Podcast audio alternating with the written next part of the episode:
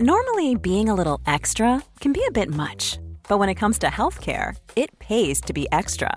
And United Healthcare makes it easy with Health Protector Guard fixed indemnity insurance plans. Underwritten by Golden Rule Insurance Company, they supplement your primary plan, helping you manage out of pocket costs without the usual requirements and restrictions like deductibles and enrollment periods. So when it comes to covering your medical bills, you can feel good about being a little extra. Visit uh1.com to find the Health Protector Guard plan for you.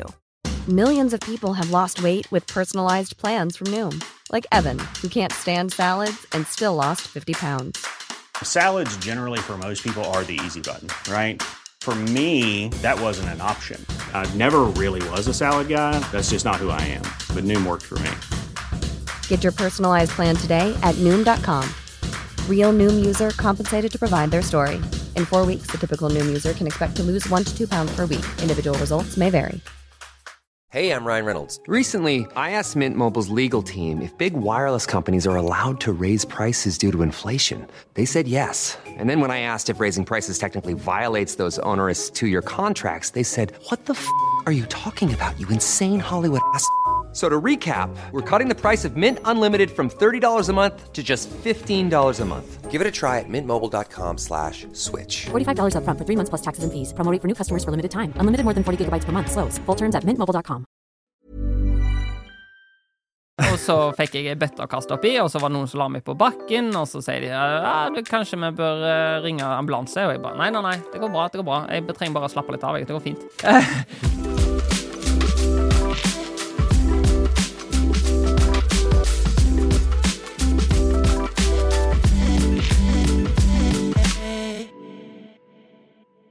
Hei og velkommen til eh, treningsprat. Du hører på meg, Thomas Brun, og Anders Muren. Og i dag, Anders, så har vi et storbesøk i studio. Vi har det veldig ofte, men i dag er en veldig unik uh, gjest, føler jeg. Ja, i hvert fall i triatlonverdenen Mm. og idrettsverdenen generelt. Yes. Og Eh, denne fyren er, er et leksikon av informasjon når det kommer til ernæring, til eh, forbrenning, til eh, svette, til utholdenhet, og til også Norseman, som han løypa som han kan ut og inn. Eh, og kan absolutt veldig, veldig mye informasjon som vi ønsker å få ut av han på veldig kort tid. Så vi skal gjøre vårt beste. Allan Hovde er her i dag. Velkommen, Allan. Ja, tusen takk. Det var litt av en intro. Vi har jo prøvd å få deg inn et par ganger. Du var en av de første gjestene som vi, vi satte opp som ønske. Og det jeg likte med deg, var at du sa ja, ja, det blir jeg med på med en gang. Mm, Ja, jeg, det ikke, og jeg syns jo det er veldig gøy eh, å, å være med på podkasten deres, jeg hadde veldig lyst òg. Så jeg sånn, ja, det passer jo når som helst. Og så spurte du en gang, og da var jeg på jobb eller bortreist, og så nei. Og så spurte du en til gang, og da var jeg jaggu vekkreist òg, så det var litt uh, godt å endelig komme her. Men nå er vi her. Yes. Og det er en veldig perfect timing, fordi eh, vi har mye vi har lyst til å snakke om uh, i løpet av karrieren din og sånne ting. Men det er jo veldig nylig hvor du har gått gjennom en liten, uh, en liten operasjon. liten. En liten en. Ja, Bitte liten en, men veldig effektiv en i hvert fall. Du var Ja. ikke på sykehuset lenge. Nei. Men dette var et, noe som oppsto i løpet av eh, 2023, eller var det 2022? Eh, Nei, 2021, 2021, ja. faktisk. Det, Ja. det var det første tilfellet av det. ja. Fortell litt om hva, hva, hva du har gått igjennom. Ja, så kjapt eh, Da så hadde eh, første triatlonkonkurransen i 2021, halvfet triatlon, så eh, på slutten av syklingen så merka jeg at det, det føltes ut som hjertet slo ekstra hardt, og så på en måte i utakt. Og så kikka jeg ned på pulsklokka, og da var pulsen 180, da, sammenligna med 165, som den hadde vært bare rett før. Og så eh, var det, det på en måte siste del av halvfett. Det, var, det ble litt rolig sykling. Eh, og så litt sånn teknisk nedover, så da på en måte normaliserte det seg. Og så ut på løp så var det eh, ingen, var det jo normalt, da. Men ti kilometer ut på løp igjen, så fikk jeg det igjen, da. Veldig hardt. Og da stoppa jeg opp. eh, og så eh, på en måte prøvde jeg å jogge rolig, da. Men jeg fortsatte med veldig, veldig høy puls, da. Mm. Så da tok jeg eh, eh, den eh, Alltid vanskelig avgjørelse, det, men eller, egentlig ikke. Da kasta jeg en håndkle, da. Ja. Så jeg gikk tilbake til, til skiftesonen, for halvfet er to runder på, eh, på 10,5 km, så da kan du på en måte bare stoppe og så gå, gå tilbake. Mm.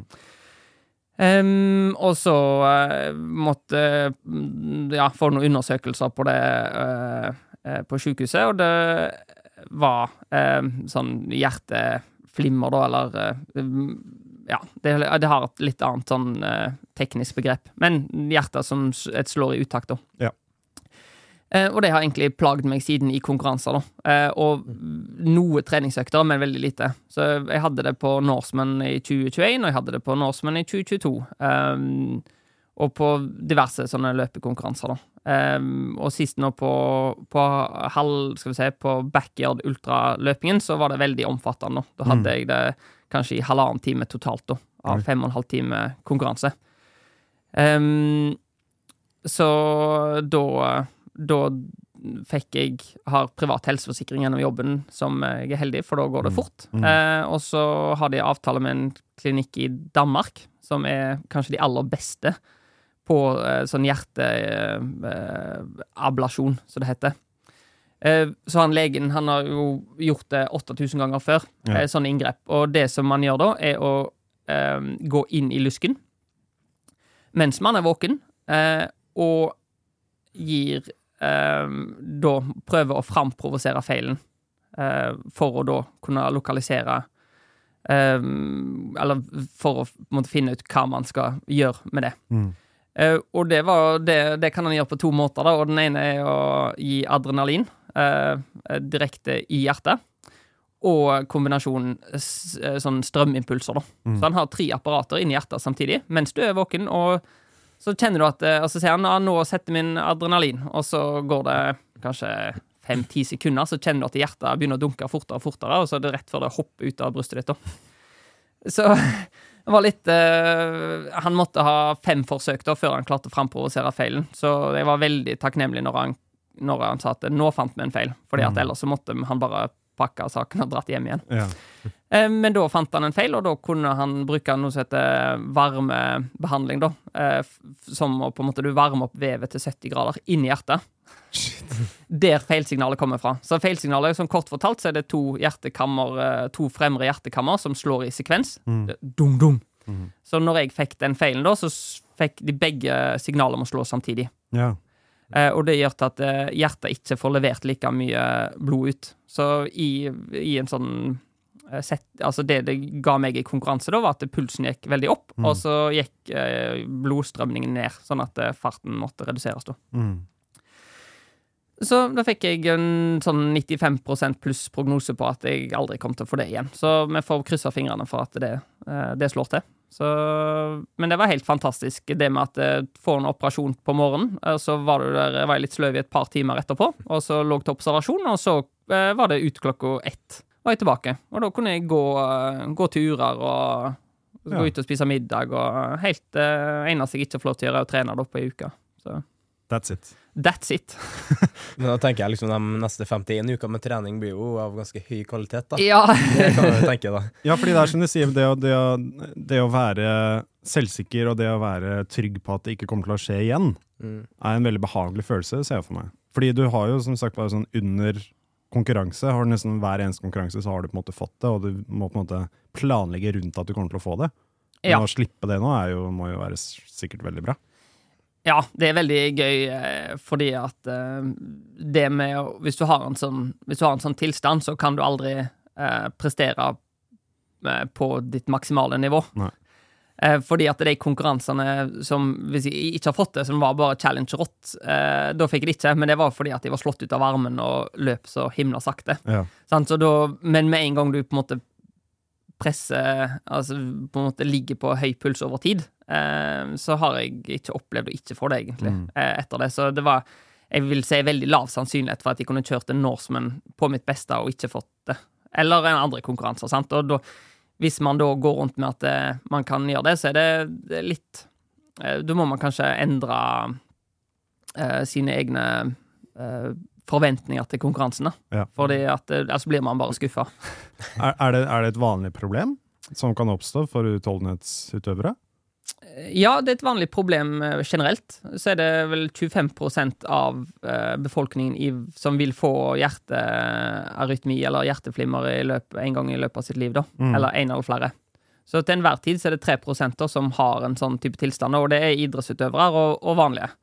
Um, men det er en høyere forekomst av det på idrettsutøvere, som sikkert er naturlig med tanke på at man eh, presser hardere. Ja, det er litt det. De er jo de som vanligvis ligger i den hjerte, i den eh, pulssonen over mm. lengre tid. Normale folk gjør jo det veldig sjelden. Ja, sant, og det er jo som, altså, det kan jo hende at uh, altså, min, mitt hjerteflimmer er jo så definitivt utløst av uh, hard aktivitet over tid. Mm. Uh, men det kan jo hende at det er noe jeg hadde Eventuelt hadde jeg ikke trent, så hadde jeg kanskje fått det når jeg var 58, hvis jeg skulle gå på en fjelltur og tok meg litt ut, liksom. Ja. Sant? Og, og da tenker jeg at eh, da er det bedre å få det når du er eh, 36 eller 34, som jeg var når jeg fikk det første gangen. Og, og i kontrollerte settinger hvor det er enkelt å komme seg til sykehus hvis det haster og sånne ting. Ja. Ja. Så det er ikke Ja, jeg er vel litt sånn redd for at eh, man skal eh, Man skal tenke at det er farlig å drive med idrett. På Ja. å presse seg hardt. Eh, og det er jo sånn Jeg har vel hatt noen hendelser der som folk har eh, kunnet konkludere med at ja, det, det, er farlig å, det er farlig å ta seg sånn ut. Men sånn, samtidig så tenker jeg at man, eh, det ufarliggjør det, og samtidig da, for at trening og fysisk aktivitet gir jo så mange helse, positive helseeffekter likevel. Mm. Ja. Uansett. Eh, så klart, men det er jo forskjell på nivåene man gjør det på. Du har jo x antall treningstimer i uka. Uh, veldig mye mer enn hva veldig mange andre har. Mm. Så det er jo kanskje ikke, det er jo ikke helt sammenlignbart for folk flest, eller egentlig sånn sett, da. Nei. Så det å ufarliggjøre det, tenker jeg er fint, da. Ja, og, eh, og så kan man legge til at jeg har jo fantastisk god helse. Eh, altså, jeg er veldig robust. Eh, altså, vi har jo to barn i alderen eh, sju til tre år. Sant? Så det er liksom barnehage, og det er sykdommer og, og alt den biten der. Og på en måte til tross for det, så har jeg vært eh, mm, sykemeldt eh, sju dager i løpet av 18 år. Ja. Så Og det med barnehagetid ja, ja, men det med Ja, så det er egentlig Egentlig en, en veldig god helse. Så har jeg hatt eh, På en måte Jeg har hatt alle skadene du kan ha, men veldig kort varighet. sånn at eh, jeg har fått plantarfasitt, og så Eller så, så, eh, som en skade under foten, og så har jeg tatt det eh, type veldig seriøst når at tegnene har kommet, og Ja. så har fått eh, fysioterapeut eh, til på en måte vurdere og, og gi veiledning, og så har det vært for eksempel, ja, da, da, blir, da løper vi ikke på ei uke, og så teiper vi opp foten for å avlaste dem. Mm. Og så kjenner jeg ikke noe etter ei uke, og da begynner jeg å løpe, kan jeg begynne å løpe to kilometer, da. Og så gikk det fint, og så kan du begynne å fire, og så Nei, da var vi tilbake da etter ti dager. Sant? Og mange har jo plantarfasitt i eh, årevis. Ja. Ja. Sant? Og det er, jo ikke, det er jo ikke nødvendigvis toppidrettsutøvere, det. Sant? Så jeg føler jo det at eh, på en måte jeg har en overordna målsetning om å bli eh, type veldig eh, gammel og, og sprekk. Ja. Sånn, så jeg, jeg skal bli på en måte 80 år og gjerne kunne kjøre Ironman når jeg er 80 år. Det kan jeg se for meg, faktisk. Ja, jeg kan se for meg det på, på toppen på Gaustatoppen. Ja, Fortsette å skrike Ja. 'ja, jeg er 80 år gammel'. Da må jeg nesten spørre litt om eh, målsettinga for det året her, da, med tanke på konkurranser sånn. da. Har du satt deg noen mål? Ja, jeg var alltid vel, sånt. Det var litt, litt eh, flytende de siste dagene. Så jeg er påmeldt Norseman og er veldig motivert for uh, å gjøre det igjen. Uh, på en måte gjøre det Å få, en ordentlig konkurranse, da. Em, og, og, eh, og så har jeg um, Jeg har veldig lyst til å gjøre Challenge Rott igjen. Uh, men det passer ikke med jobben den, uh, dette året, da. Så, så da har jeg lyst eh, faktisk å sykle fra Lindesnes til Nordkapp. Har jeg tenkt det. Ja.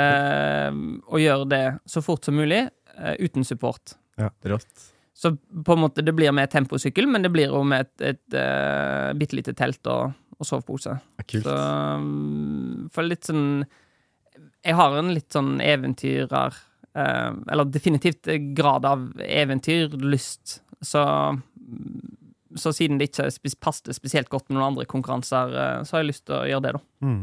For mange er jo Trondheim til Oslo målsettinga, men du kjører hele, Kjører hele hele. Norge, du. Ja, Trondheim til Oslo, ja, eh, og Trondheim til Oslo er jo 500 og et eller annet. Og 526 eller noe. 526, ja, og Lindesnes til Nordkapp er 2550.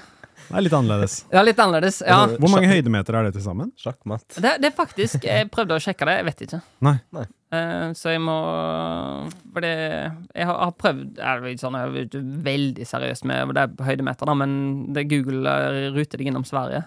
Ja. Så mm, eh, Og det skal man ikke. Så jeg får, uh, får, sjekke litt mer opp i det. Ja. Men uh, så jeg, jeg bare tar jo ting ut av hatten, så jeg tenker jo å sykle 600 km i, i døgnet. Ja. Egentlig.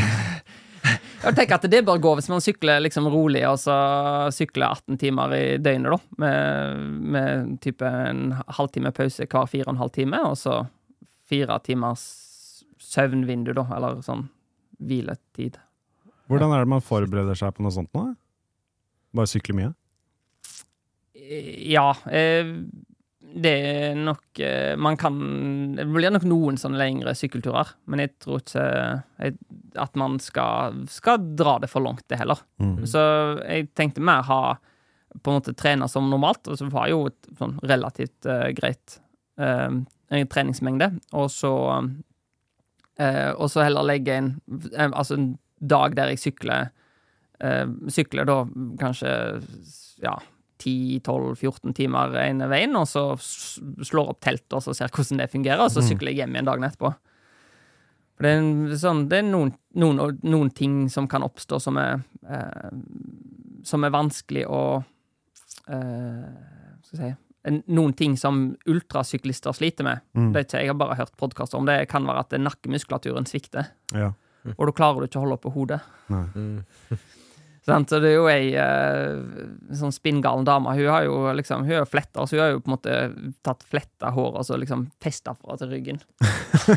Bare mye å spare opp på ja, sant. Og det er bare Det er sånn Det frister ikke veldig, da. Eh, gaffateip rundt, uh, rundt hjelmen, liksom? Ja, sant? så det man kan gjøre for å trene opp det, er egentlig hvis du har en hjelm som er litt tyngre enn den du har normalt. Så Ja. sykler med litt tung hjelm, så det kan hende du kan legge vekter i den òg, bare for å få litt, få litt mer trening på nakkemuskulaturen. Altså, Så, Ja. helt sånne, så det er jo ting som på en måte Hvis nakkemuskulaturen svikter og du ikke klarer å se oppover, så kan du heller ikke se veien. Så da er det på en måte game over, da. Ja, da er det ferdig. Hva hva er det lengste du har sykla på en Altså én tur? Det er jo 24 timer, er det ikke? det? Ja, jeg har sykla 24 timer, så det er jo 890 km på, på én go.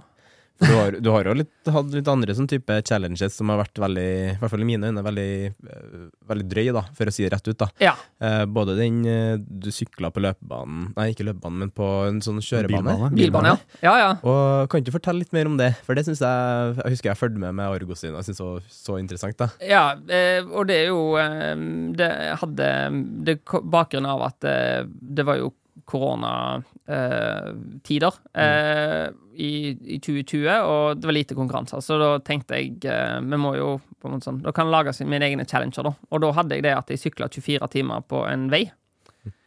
Um, sånn 10,5 km strekning i, uh, utenfor Sandefjord. Uh, og det gikk jo veldig over all forventning. 889 km, tror jeg det, det ble. Og da hadde jeg jo altså da på en måte gikk jeg jo i bakken etter første time. Altså da I rundkjøringen der så skled jeg ut. Altså, det regna litt, gjør det ikke det? Ja, så regna det jo i uh, 21 av de 24 timene, da. Eh, og, eh, og så hadde jeg jo mine foreldre, eller mamma, som, som support, og, og stefaren min, og de kom jo på en måte De, de bestemte seg jo to dager før jeg skulle kjøre, at de, de ble med som support. Mm. Så akkurat det supportlaget var jo ikke Vi var ikke akkurat veldig godt koordinert eller drilla, da. Um, så uansett så var det sånn Det gikk så bra med såpass dårlige forberedelser og, og den biten der, for det var jo noe jeg gjorde på sparket liksom i sommerferien uh, med familien. Så uh, da tenkte jeg å gjøre det ordentlig. Jeg leier en raserbane, og så optimaliserer man alt, og så skal man se hvor langt man kommer, da. Uh, og da tenkte jeg egentlig verdensrekord, da. Ja. Em, Som var på, hva var det da, 900 et eller annet på den tida der? ja, det var 914, så Ja. jeg tenkte at det, det ble ganske enkelt, egentlig. Men var det uka før? Nei, det var fire dager før, så, Fire ble dager den, før? eh, så var han som hadde verdensrekorden, han økte den jo med sånn 120 km eller 10 eller noe sånt. Ja. Det. Så det var noe der, så da ble det på en måte fra å bli enkelt, så ble det egentlig umulig. Altså tallene gikk ikke opp. Nei. Ehm, så eh, Så det var vel kanskje litt av eh, Altså noe som gjorde at det, Ja, det kunne gått bedre, da, fordi at jeg eh, Det ble for, kjørt for hardt i begynnelsen. Når det var varmt, eh, og det ble veldig varmt, og så hadde jeg da eh, Klarte jeg ikke å kjøre på en måte hardt nok når det var natt og det var kaldt. Så vi begynte sånn 11-12 på dagen, tror jeg det var. Ja. Så jeg var jo der, jeg også. Ja, ja. Ehm, Ja, og da var det veldig behagelig vær. Veldig varmt, veldig fint. Vi gikk rundt bare i T-skjorter, kanskje eh, bare overkropp og solte oss mens du, du jobba og stå på. Ja. Eh, ja. Nei, øh, ja, og så øh, Og så var det ting som Altså, racerbanen det var nylagt asfalt, da, og det tenkte man ja, deilig med liksom helt uh, fresh asfalt. Sant? Øh, men det var ikke så deilig fordi at uh, den klistra jo. Ja. Så du merka jo at den saug når du, når, når du gikk fra der som ikke var nylagt til der nylagt, så merka du at det gikk seinere. Um, eh, og så var det litt òg at jeg fikk sittesår. Som, som ble ganske smertefullt etter hvert. eh, Og så var det Norseman eh, vel to og en halv uke etterpå det. Sånn at det, etter 18 timer da, så eh, Så kasta jeg inn håndkle, rett og slett. Jeg husker det var eh, rett under soloppgang, tror jeg det var. Så Mm. du kom jo til gjennom hele natta. Ja. Eh, vi var jo der og liksom fulgte med hele tiden, og heiing og musikk for å liksom holde, Ja. holde oss våkne alle sammen. Eh, og så husker jeg at jeg skulle ta bilder av deg med soloppgangen Ja. ved, ved liksom, målet, ved, ved ferdigrunden. Og så var det sånn cirka liksom, Vi visste jo så å si hvor mange minutter du bruk, brukte rundt hver runde. Mm, Og så plutselig så gikk det dobbelt av tiden. ja. Og så gikk det ti minutter.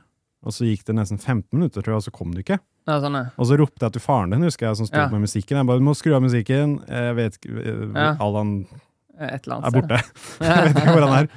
Og da hadde du stoppet for å gå på do Ja. for, å tisse, for å tisse, men det, det funka ikke. Så Ja, ja, det var jo et veldig problem òg. At Ja. jeg var ekstremt tissetrengt, men klarte ikke å gå på do. Ehm, eh, så det var nok uh, nok òg Ja, det var en veldig stor, stor utfordring. ja, det var litt Eh, bekymringsverdig òg. Ja, ja, ja, så vi måtte jo på en måte ja, vi- Dere ringte jo lege underveis og, for å tenke på hva, hva er på en måte faresignalene med det. At eh, liksom, ja, ok, men hvis det begynner å gjøre vondt i nyrene, da må vi stoppe, da. Sant? Eh, Fordi da sikkert bare at du sitter, at urinlederen er helt klemt sammen. Altså om det var noe sånt. eh, Altså, du sitter jo i aeroposisjon hele tiden. Ja.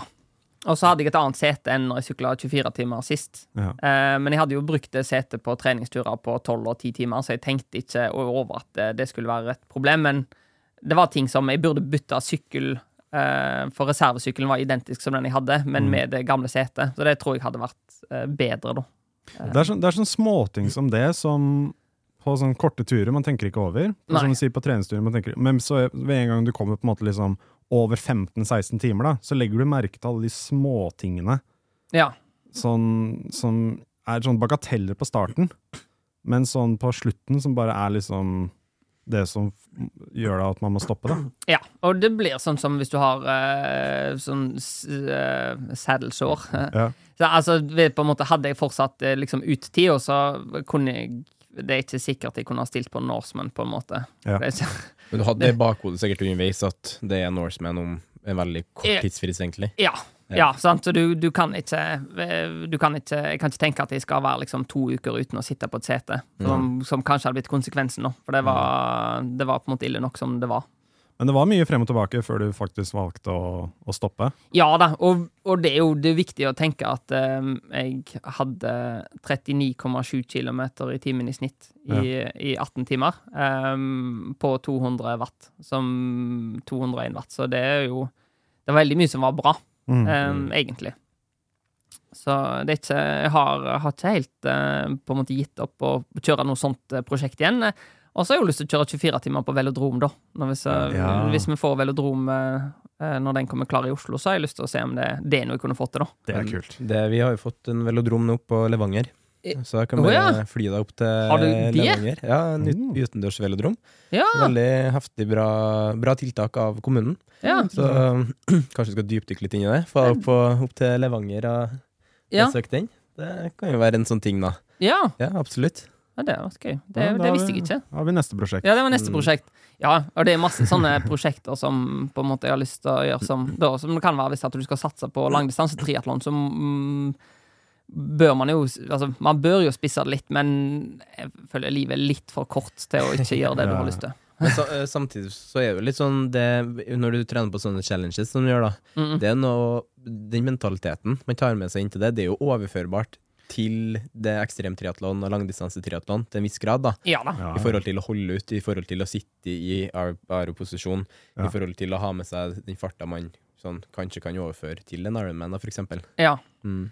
Ja, og så blir det Det kan være sånn som i Nå har jeg vært veldig opptatt av aerodynamikk og uh, det, det som man kaller marginal gains. Mm. Um, som jeg vet, jeg vet ikke om jeg skal gå gjennom det, men det, det er jo noe som Hvis du skal sykle 24 timer, så blir det veldig sånn OK, én watt eh, mer. Det er jo veldig lite, eller én watt spart i, i bedre utstyr og sånn. Mm. Så liksom plutselig utgjør det på en måte en kilometer lengre distanse, sant? Mm. Eh, når jeg tok et tall ut av hodet, så jeg vet ikke, Mm. ikke eh, sant? Altså sånn, da, da blir det litt sånn Da blir du veldig opptatt av de små tingene. Mm. Eh, og det er jo Og det er veldig direkte overførbart til Ironman. Mm. Sant? Og det er jo Jeg tenker jo på mm, Altså sånt det, Man drar med seg det òg. For Mm. i hvert fall den, den, det jeg gjorde på utstyrsbiten framfor 24-timersforsøket, var jo var veldig, veldig bra. Kult. Og apropos det, det er jo, du har jo syklet i 24 timer. Du har også løpt i 24 timer. Ja, det har jeg lyst til å snakke litt om. For Fordi Ja. jeg var der også. det var det Ja, ja, ja! ja, ja. Jeg, Jeg, jeg, husker jeg fikk den statusen fra Tomma. Det var jo dagen etter Oslo Nei, Ja, dere hadde samling i Oslo, Ja, vi hadde samling, så vi møttes på julebord på kvelden. Ja, Så jeg dro innom Dette var jo Bislett 24-timerløp. Som vi forklarer, det er på innebanen på Bislett stadion. Så har de 24-timersløp en gang i året. Hvor du løper rundt den banen. 24 timer. Med masse folk. Hvor mange meter er den banen igjen? I, i et, 500 eller noe sånt, er det det? 546. 46, yes. så det blir noen runder, da, for å si det sånn. Ja. Så jeg var der på starten. Uh, Allan var der. Og så han der uh, som klatra K2 Hva het han igjen? Frank Løke. Frank Frank Løke var Løke, ja. Han skulle vinne. Ja, han skulle vinne. Han, han, Eh, vant første runde, så sa han 'nå vinner jeg', sa han. Ja, det var, han, vinner, han vinner ofte første runde, han. eh. Ja, det går hardt ut. Men det er synd at det varer mange, mange flere runder, da. Ja, Ja, ikke sant? Ja, ja.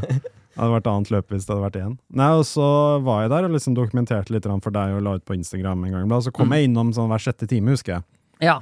Og du så jo bra ut hele tiden. Mm. Og så på kvelden så så det også bra ut. Og så kom jeg um, på morgenen når det var ca. en time igjen Mm. med løpet. Og da var det en annen Aldan som jeg så. Ja, ja. ja. Og det var litt samme greia, fordi jeg sto der med, med kona di og sånne ting, og, og, Ja. og um, skulle dokumentere at du kom løpende forbi. Og det er litt samme greia, det tar ca. like lang tid hver runde. ikke sant? Mm. Det, det visste vi at det tar sånn cirka lang tid. Men så ser vi mange av de samme folka som tre-fire runder har løpt. Mm. Så tenker vi sånn her, eh, hvor er Allan? Begynte vi å spørre. ja. Og så ser vi Allan holde seg fast i veggen og prøve å ta ett skritt av gangen. Og jeg har aldri sett en person så blek i ansiktet og så sliten og så nærme døden som, som, eh, som du var da. Nei. Og da var vi sånn eh, Jeg var litt bekymret med en gang, men jeg så også på kona at hun var litt sånn Litt overrasket. At eh, sånn her har hun ikke sett deg før, og da ble jeg veldig bekymra. Nei. Eh, ja. Hva var det som skjedde der? Jo, og det var for å eh, sånn, ta bakgrunnshistorie der, så er jo det eh, Bislett 24 Det er jo noe som eh, faren min faktisk løp på 80-tallet. Mm. Eh, så han kom vel 120 km, og det var visst bra, det, da, på den tida. Eh, eh, nei da, så jeg, jeg visste alltid at eh, jeg, jeg måtte gjøre det, fordi at jeg har hatt lyst til å prøve. Og i, i en triatlonsesong så er det vanskelig å kombinere med ultraløp, men Bislett Indoor 24 går vel tredje uka i november. eh, Ja, det er på slutten, ja. Ja, sant? så sesongen er på en måte triatlonsesongen er over, eh, og jeg har ikke så mye annet å gjøre på. Så jeg tenkte det var, det var gøy. Så jeg bestemte meg jo seks uker i forkant. Så sa jeg til treneren min at nå har jeg lyst til å løpe 24 timer. Og så sier han OK, da, da får vi justere treningsprogrammet til det, da. Og det jeg hadde totalt da, var fire treningsturer eh, mellom tre og en halv og fire timer. Eh, fordi at man burde ikke noe sånn med, med, Ja, det er høy risiko med å kjøre veldig mye lenger enn det, da. Mm. Så altså, jeg var jo veldig dårlig forberedt til konkurransen. Og jeg visste jo det at det kom ikke til å holde 24 timer, eh, egentlig. Så jeg var sånn Ja, hvis det holder 16 timer, så er jeg fornøyd med det. Og Hvis det holder 20 timer, så er jeg fornøyd med det. Og så hadde jeg jo veldig respekt for distansen, for jeg visste at eh, um, Kilian Jornett hadde jo prøvd seg på 24 timer, eh, sammen med eh, Sebastian Håkonsen. Mm. Eh, som De er jo veldig, veldig gode ultraløpere.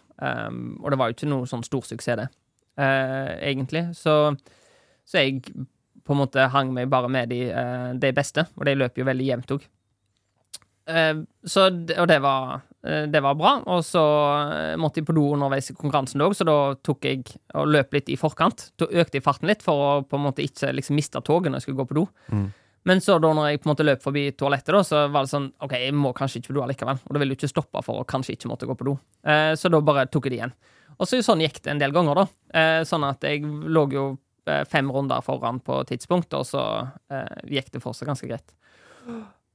Så det gikk det egentlig fantastisk bra eh, hele veien. Eh, og jeg var da sikker på at jeg skulle klare det når det var 20 timer igjen, for det er ofte man sier sånn type 17, ja, 16, mellom 16 og 18 timer er verst, da, når du kommer der på, på natt og du får, får smellen. Så det gikk bra. Eh, helt til egentlig skal vi si, 45 minutter før slutt. For da ble jeg tatt igjen av eh, beste, nest beste herre og, og beste dame. Og så skulle jeg bare øke farten for å følge med på det. Og da fikk jeg krampe i, i lysken, faktisk, og eh, måtte liksom hinke litt mer, da. Og så klarte jeg jo ikke på en måte hinkeløpe heller, eh, og måtte begynne å gå, som du sier, og holde meg i veggen og gå så fort som mulig. For jeg leda på et tidspunkt med 15 runder, og det var jo ganske mye. Eh, men han som lå på andreplass, han løper jo med sånn eh, 15 km i timen. Så han løper jo, han bare passerte meg jo runde på runde på runde, så jeg visste at eh, nå er du så himla nærme alderen liksom, at du må bare holde deg gående for å på en måte vinne, da. For det er jo litt dumt å på en måte eh, gi fra seg seieren, da. Eh, hermetegn, så jeg ville unngå det, da. Og på en måte gikk over målstreken, da. Eh, og da kunne jeg på en måte fortsatt litt lenger på den runden, men det var en stol med siden av, da. Eh, og jeg tenkte at hvis jeg går 100 meter lenger ned i gangen her, så er det jo ingen stol. For da når at 24 timer er gått, så må du stoppe, og så må de komme og måle hvor du er for å få tida. Så jeg bare satte meg ned på den stolen. Og det ble målt, Uh, og så eh, kasta jeg opp på meg sjøl. Husker jeg. Satt på stolen, og så bare, ah, nå bare ja. Eh, Og så fikk jeg ei bøtte å kaste oppi, og så var det noen som la meg på bakken, og så sier de ja, du, kanskje vi bør eh, ringe ambulanse, og jeg bare nei, nei, nei, det går bra, det går bra, jeg trenger bare å slappe litt av, det går fint. Og så går det litt sånn inn og ut av bevissthet der, og det er husker noe du skalv. Ja, OK. Ja, Begynte liksom å skjelve litt og sånt. ja, Og uansett hvor vi tok på deg, så gjorde det vondt. ja sant, ja. Ja, ja. Det husker kanskje ikke du. Nei, eh, det, nei, fordi at noe som sikkert varte i en halvtime, var for meg det var fem minutter. det. Ja, nei, det var ganske lenge. Ja, det, ja eh, jeg hørte det. Så, eh, så da ble jeg frakta i en ambulanse, da. Så våkna jeg vel sikkert nesten 24 timer etter det, noe sånt. Eh, og det som da hadde skjedd, var at jeg hadde fått eh, noe som heter rabdomyalyse. Eh, som er vanlig å få for type i crossfit-sammenheng av, av typisk menn som er ikke så godt trente nødvendigvis. Som trener veldig spesifikt på én muskulatur. Eh, og det kan være pushup eller, eh, nei, eller sånn hangups eller sånt. Mange får pullups. Pullups, ja. Pullups, ja. Mm. Mm. Ja, eh, så det er normalt når du får de pullups, da, så da blir det veldig sånn spesifikt på én muskulatur, mens jeg hadde fått det da fra hele fra hoftene og ned, da. Eh, så eh, det som Selvfølgelig, det er jo en sin betennelseverdier, det er det man måler, da, som man kaller CK-verdi. Så en normal verdi for min alder eh, er jo under 400. Og så når jeg kom inn på sykehuset, så hadde jeg 87 000. Eh, så det var sånn der en eh, På en måte Det var, det var jo greit. Altså sånn, det var, det var høyt, da. Men eh, Og det kan jo gi nyresvikt, men det ga ikke noe nyresvikt. Så jeg skal si, nyrene mine fikk en helt fantastisk treningsøkt i betennelseshåndtering. Ja. Og fra jeg på en måte tok første prøven, så gikk det bare nedover. Eh, så det var ingenting annen intervensjon enn å på en måte få intravenøst. eh, og og, eh, og gå på do, liksom, for å på en måte renske opp i eh, altså, Skylle ut. Jeg vet ikke om det, om det er faktisk sånn det fungerer, men det var det jeg fikk. Så etter to dager da, så klarte jeg å humpe meg bort på en sånn eh, en gåstol. Og så kryper vi inn i en taxi, og så kommer vi hjem. Ja. Eh, ja, så det var jo egentlig Det var den Det var Ja, det var den gangen. Men du vant, Men, da. ja, du vant. Ja, sant? og det er jo sånn der en Selvfølgelig, de tuller meg med de ultraløperne, sant? fordi at uh, hun dama som vant, hun var jo ute på løpetur to dager etterpå. Ja. Uh, så da fikk jeg jo melding fra kona mi at nei, nå så er Therese Falk ute og løper. Så, uh, så uh, um, hun løper jo forbi, gjerne forbi der vi bor av og til. Så da sånn, og det gikk jo selvfølgelig det, det er jo festlig sånn sett, men det at du kan stille opp på en måte med så lite trening og så mye grunnlag, og så kan du løpe lenger enn noen nordmann noen gang har gjort på Ja. 24 timer, jeg syns det, det var bra. Det er jo rekordløp òg, samtidig. Ja. Så Ja, sant, og jeg tror ikke Jeg vet ikke på en måte om det er noe, noen andre i verden har på en måte debutert på, på, en, på et ultraløp eller 24-timersløp med 265 km. Så det er ganske bra. Det var det du løp? 200 og Ja, det er, 200, det er 264,9, men eh, Eller 8 eller sånt. Jeg runder det opp. du kan runde opp eh, Det er, sånn, det er forskjell å runde opp fra 4 kilometer til 5, men fra den der distansen der, så det, det skal du få. Nei da, men det er ikke, det er ikke, så, jeg er ikke så, så opptatt av det. Men jeg skal, jeg, skal eh, jeg, eh, jeg har lyst til å gjøre det igjen, egentlig. Bare trene til det og gjøre det ordentlig. Sånn at, for jeg tror, jeg tror jeg kan komme mye lenger. For en ting jeg tenkte jo på etterkant der det var jo norgesmesterskap òg. Ja. Men eh, du fikk ikke noe eh, heder, gre- heder der? Nei da. På Nei grunn grunn av at du ikke var medlem i friidretts... Var det ikke noe sånt? Jo da, eh, så det var NM, og når eh, jeg løp der, så sa de eh, Allan, er, ikke- er du påmeldt Er ikke du påmeldt NM? Eh, og så jeg bare eh, Jeg visste ikke at det var NM. Eh, så det, vis, det var nummer én. Jeg visste ikke at det var NM, og så løp jeg for en triatlonklubb. Ja, sånn. Eh, sånn at eh, hvis jeg skulle ha meldt meg på NM, så måtte jeg meldt meg inn i en friidrettsklubb. Mm. Eller løpklubb. Skulle ha gjort det i løpet av 24 timer. Ja, Ja, hadde tid til å gjøre det. Ja, men det er ikke jeg, For meg det, eh, altså sånn, jeg, jeg bryr meg absolutt ingenting. Nei. Så det er helt, eh, helt fint at, eh, at eh, noen andre fikk den pallen. Du står jo på papiret som rekordholder, og du står jo på hvis alle du, du, du som var først, Ja da. uansett. Så. Men jeg lurer på, hvor starta den treningskarrieren din? Hva, hva starta det med, egentlig? Hvis du, hvis du går tilbake til ungdomsårene. da. Ja, og vi kan gå tilbake til ungdomsårene, så var det jeg begynte jeg eh, faktisk med idrett på, på barneskolen. Um, og den idretten som var tilgjengelig på min barneskole, det var sjakk. Ok, ja. Uh, ikke fotball. Ingenting. Nei, det... Det var, det var sjakk. Um, så jeg spilte sjakk i, eh, sjakk i en del år. Um, helt til man da begynte på Man nærmer seg ungdomsskolen, Uh, og så fant man ut at det sjakk det var ikke så kult. det er ikke akkurat Det, det, er, ikke, det, er, ikke, det er ikke der man um, blir populær blant jentene. Uh, så uh, da, eh, da begynte jeg på fotball. Um, og det Jeg var ikke aldri noe god i fotball. Um, jeg, ikke, jeg var ikke dårlig. Det var helt, um, jeg var helt medium på et lag som tapte i all hovedsak, da. Mm. Um, men de var jo fortsatt litt De var litt ambisiøse, så jeg tror når vi var eh, Om det var 13 13-årsalderen, så sa treneren at eh, nå må vi enten bli seriøse, eller så får dere slutte. Mm. Um, og da halve laget gjorde som meg, da, vi slutta. så det jeg tenkte at det, det her det her gidder vi ikke. Eh, så da begynte vi på volleyball istedenfor, da. Mm. Eh, som var da den andre idretten. Jeg kom fra et lite sted på Vestlandet utenfor Haugesund. Mm. Og da kunne, det du kunne gjøre da, eh, det var da etter sjakken, da, det var eh, fotball, volleyball og sjakk. Nei, fotball, volleyball og korps. Mm. Ja. Eh, Så jeg hadde en kort, eh, kort, eh, kort, kort karriere innom korps òg, men det var heller ikke noe sånn damemagnet. Så eh, det, da begynte vi på volleyball, da. Eh, Og det var, det var veldig morsomt, da. Eh, Så Så det var egentlig Altså, men det blir sånn trent to ganger i uka, og så var det noe sånn kamphelger og, og den biten der. Så jeg er 1,80 eh, høy, eh, og det, det er jo helt OK høyde, men for volleyballspiller så er det litt lavt. Oppi blokk og Ja, så det er jo noe, det er jo ikke akkurat noe å satse på det heller. Eh, sånn sett, så når jeg ble 18 år, så flytta jeg til Oslo. For hun, eh, kjæresten min da begynte å eh, studere i Oslo, så da, da, da flytta jeg med. Og da begynte jeg på kickboksing, da. Eh, fordi det, eh, det var, var interessant. Og så hadde jeg gått på kickboksing et halvt år før i Haugesund. Så, så da begynte jeg på det, og det var jo et veldig bra miljø. Eh, og veldig, veldig, veldig, veldig kjekk sport. Um, sånn at jeg gikk på kickboksing fra jeg var 18 til jeg var 23. Ja. Um, og, gikk, eh, og gikk kamper. Um, og syntes det var, det var morsomt, men jeg fikk noen slag til hodet um, som, som gjorde at jeg eh, ikke tålte det lenger. Ja. Så da på en måte, når, når jeg først ble eh, på en måte knocka ut i en kamp, eh, og det var til mitt forsvar, det var et, det var et ulovlig slag. Eh, sånn at han andre ble diska, da, men jeg havna jo da på sjukehuset. Eh, sånn til overvåkning med, med hjernerystelse, da. Og, og etter det, hvis jeg fikk, fikk et litt sånn lett Altså sånn litt hardt slag til hodet, så fikk jeg blackout med en gang.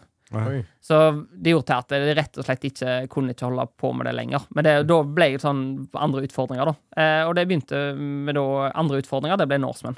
For da hadde noen vist meg en video av norsemenn, og det var noe jeg på en måte tente umiddelbart på, da. Eh, og da var jeg da på en måte på bar bakke med tanke på svømming og, eh, og sykling og løping, egentlig. Så Når var dette her? eh, Da var vi i 2008. Da var du 25? 24? Ja, 22. 22, ja. Ja, så da ble jeg, eh, da ble jeg 23 det året jeg var med på Norseman første gang. For i 2008, altså det siste året du, du kunne på en måte melde deg på bare fort. Ja. Så hvis du gjorde det de første, første fem minuttene når det åpna, så hadde du plass. Og så ble det loddtrekning etter det. Ja, ja, ok. Så da begynte jeg med triatlon, da. Eh, og det var egentlig sånn eh, engangsprosjekt, da. Jeg skulle bare gjøre det umulige, og det er litt sånn det er tøft å være med på verdens hardeste triatlon, som på en måte det ble markedsført, og, og, og det. Så, så var det Hele reisen var veldig spennende, både med tanke på trening, hvordan man gjør det. Sant? Og det forsto jeg, jeg hadde ikke peiling på hvordan jeg gjorde, sant? så jeg måtte jo få hjelp av, av, av noen. Som var Fredrik Manto, som var en av disse grunnla Norsemen, som var trener, eh, faktisk, på, på det tilbudet sånn coaching. Og så begynner vi hele det utstyrskjøret og alt det der som er eh, veldig gøy, da, hvis du er litt sånn nerdy. Så- og teknisk interessert, sant. Og da, når etter jeg har fullført Norseman, da, så som da på en måte skulle være en sånn one and done deal, eh, så, så ble jeg helt hekta, egentlig. Mm. Og etterpå det så måtte man bare Da fikk jeg ikke plass på Norseman eh, de neste årene, da. På grunn av loddtrekning, og jeg, jeg var ikke god nok, så da begynte jeg å fokusere på å kvalifisere meg til VM, da, Ironman Hawaii. Og det klarte jeg i 2012. Um, og så var jeg der òg i 2014, og så hadde, tok jeg profflisens etter det, da. Mm. Um, Og Hva betyr det med profflisens? Får du tilgang på Norseman da på en annen måte, eksempel? Nei, ikke på Norseman så kan du være med på Norseman uh, uten profflisens som elite. Så det går bare på at du, uh, du melder deg opp som elite, og så tar de, uh, de kanskje 15 beste herrene da, eh, som Ja. søker, og så får de plass, da. Mm. Eh, men det er basert på resultater. Eh, Uh, sånn, sånn at eh, jeg var ikke Jeg, jeg fikk elitesiding i Norseman 2013. Uh, og det var basert på eh, kvalifisering og deltakelse til Ironman Hawaii. Da. Mm. At det var godt nok for å få elite, uh, elitestatus. Og vanligvis, som, så vi må jo også nevne, vanligvis for å komme seg inn på Norseman, så er det jo loddtrekning, som du sier. Ja. Og det er eh, 250 plasser eller noe sånt, to, et eller annet. Ja. Eh, og det er uh, mellom 4000 og 5000 som melder seg på. ja. Så det er ikke enkelt. Nei, det, det, det er veldig lav sannsynlighet. Ja. Eh, Dess, ja, dessverre. Uh, så det Ja, det, det, er vanskelig å få plass, rett og slett. Syns du det er litt dumt? Ja, jeg syns det er dumt. Jeg, jeg, har, jeg kjenner veldig mange som skulle ha vært med, eh, som, som ikke har Altså, ja, som, som har veldig lyst til å være med. Eh, så det, det er dumt, men samtidig så er det ikke noe eh, å gjøre med det, med tanke på at eh, man kan ikke skalere det opp eh, heller. Eh, og sånn todagersformat har vel ikke vært fungert like bra. Så jeg vil si at jeg ville brukt, Hvis du ikke får plass på Norseman, så ville jeg brukt muligheten til å heller vært med på noen andre ekstremt triatlonkonkurranser. For det er veldig mye annet bra der ute. Og så hvis at du har Norseman som mål, så er det uansett veldig gøy å ha gjort en annen ekstrem triatlon først. Mm. Absolutt. Ja, og så tenker jeg de eh, For meg er jo akkurat nå og drømmen min en VM-deltakelse sjøl. Det er jo det jeg målretter å trene mot, Ja. og det jeg skal i hvert fall oppnå en gang. Så hvordan har de VM-deltakelsene dine opplevdes? Har det vært en bra følelse, eller hva har du sittet igjen med etter det? Ja, jeg, ja, jeg syns jo Jeg syns jo, um, syns jo det å på en måte jobbe mot å kvalifisere seg til VM og delta på VM var en, var en veldig stor reise, egentlig. Eh, fordi at eh, det å kvalifisere seg til VM på Hawaii, altså i, i aldersklassen Ja, det var type 30, eh, 30-35 eller 35 pluss, eller altså 35-40, er det veldig vanskelig. Mm. Eh, altså, ja, det er høyt nivå, det er mange deltakere. Um, og, spesielt i Europa, i de store europeiske konkurransene. Så, så det, var, det var rett og slett eh, Det var et hårete mål, det. Eh, men veldig gøy å, å jobbe mot. Mm. Eh, og Hawaii er jo et på en måte, eget beist i seg sjøl, så det har vel eh, Jeg følte vel kanskje ikke helt jeg gjorde det optimalt. Så det var helt, helt grei gjennomføring, liksom. Jeg vil si sju av ti, men eh, det var litt å gå på der òg. Så, så det er noe som jeg kanskje skal prøve på på et senere tidspunkt. Ja, det håper jeg. Det, jeg føler du har fortsatt mye ugjort sånn sett. Ja da.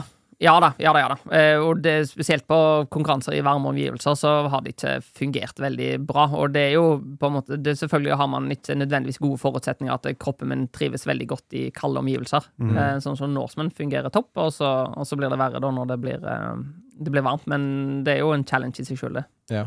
Du har hatt meg gode opplevelser på Norseman, da. Det- Ja da, og, ja, og, men òg altså, Sist gang jeg var på Hawaii, så var jeg på Hawaii i nesten fire uker. Ja. Og vi på en måte Du bada med skilpadder, og vi fløy eh, helikopter. Eh, sant? eh, Rundt øya, så jeg fikk fly. Jeg hadde min første og eneste helikopterflytime, så det var jo altså, okay. helt mega.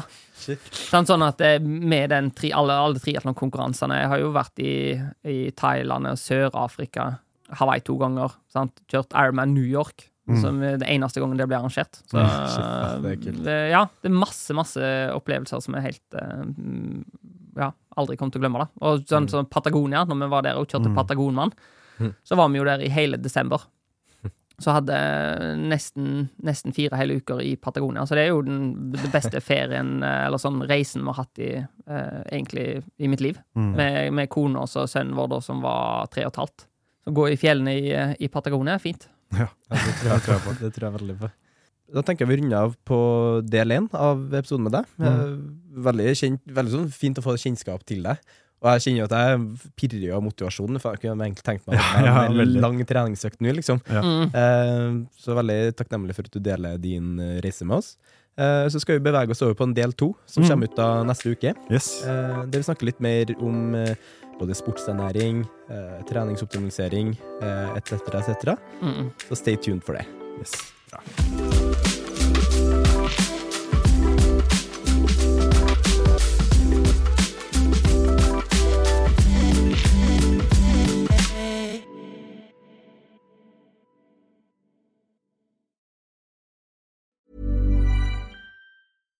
The number one selling product of its kind with over 20 years of research and innovation. Botox Cosmetic, out of botulinum toxin A, is a prescription medicine used to temporarily make moderate to severe frown lines, crow's feet, and forehead lines look better in adults. Effects of Botox Cosmetic may spread hours to weeks after injection, causing serious symptoms. Alert your doctor right away as difficulty swallowing, speaking, breathing, eye problems, or muscle weakness may be a sign of a life threatening condition. Patients with these conditions before injection are at highest risk. Don't receive Botox Cosmetic if you have a skin infection. Side effects may include allergic reactions, injection site pain, headache, eyebrow and eyelid drooping, and eyelid swelling. Allergic reactions can include rash, welts, asthma symptoms, and dizziness. Tell your doctor about medical history, muscle or nerve conditions including ALS or Lou Gehrig's disease, myasthenia gravis, or Lambert-Eaton syndrome and medications, including botulinum toxins, as these may increase the risk of serious side effects. For full safety information, visit BotoxCosmetic.com or call 877-351-0300. See for yourself at BotoxCosmetic.com.